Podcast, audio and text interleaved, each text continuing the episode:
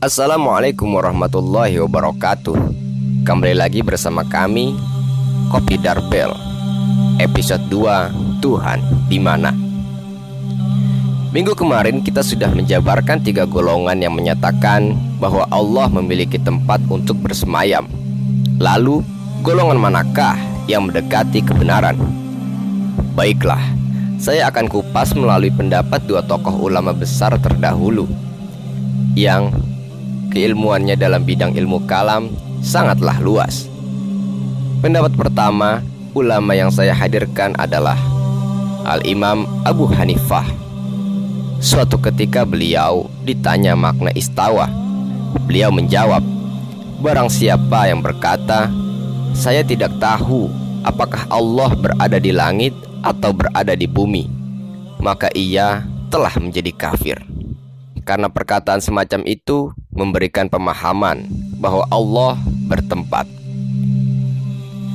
Dan barang siapa yang berkeyakinan bahwa Allah bertempat, maka ia adalah seorang musabbih, menyerupakan Allah dengan makhluknya. Klaim kafir dari Al-Imam Abu Hanifah terhadap orang yang mengatakan dua ungkapan tersebut adalah karena di dalam ungkapan itu terdapat pemahaman adanya tempat dan arah bagi Allah. Padahal sesuatu yang memiliki tempat dan arah sudah pasti membutuhkan kepada yang menjadikannya dalam tempat dan arah tersebut. Dengan demikian, sesuatu tersebut pasti baharu atau makhluk, bukan Tuhan. Dikuatkan kembali bahwa memang Al-Imam Abu Hanifah tidak sama sekali mendukung bahwa Allah tidak membutuhkan tempat pada makhluknya dalam Al-Fiqhul Akbar yang bertuliskan sebagai berikut. Dan sesungguhnya Allah itu satu, bukan dari segi hitungan, tapi dari segi bahwa tidak ada sekutu baginya.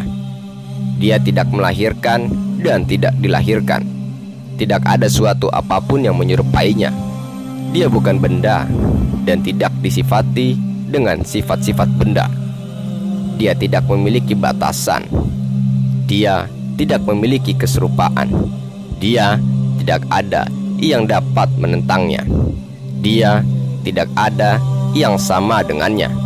Dan dia tidak menyerupai suatu apa pun dari makhluknya dan tidak ada suatu apa pun dari makhluknya yang menyerupainya.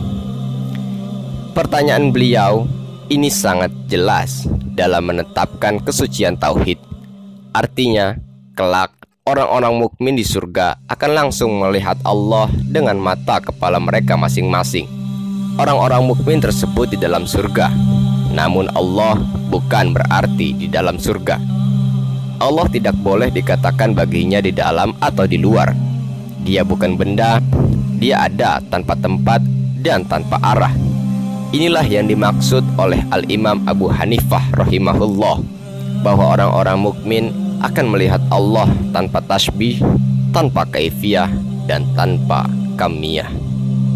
Al-Imam Baihaqi di dalam banyak tempat banyak menyebutkan tentang kesucian Allah daripada tempat dan arah. Salah satunya pernyataan beliau berikut ini. Sebagian sahabat kami mengambil dalil dalam menafikan tempat dari Allah dengan sebuah hadis sabda Rasulullah yang berbunyi Engkau ya Allah Az-Zahir Tidak ada sesuatu apa pun di atasmu. Dan engkau ya Allah Al-Batin Tidak ada sesuatu apa pun di bawahmu. Dari hadis di atas ini Dipahami jika tidak ada suatu apa pun di atas Allah dan tidak ada sesuatu apa pun di bawahnya, maka berarti dia ada tanpa tempat. Itulah pendapat kedua ulama yang dapat saya hadirkan dalam podcast kali ini. Kiranya cukup memperjelas mengenai Tuhan ada di mana. Semoga dapat menjawab dari podcast kami yang sebelumnya. Dan semoga ini bisa menjadi referensi bagi kita semua untuk kita pegang hingga akhir ayat. Salam Kopi Darbel. Wassalamualaikum warahmatullahi wabarakatuh.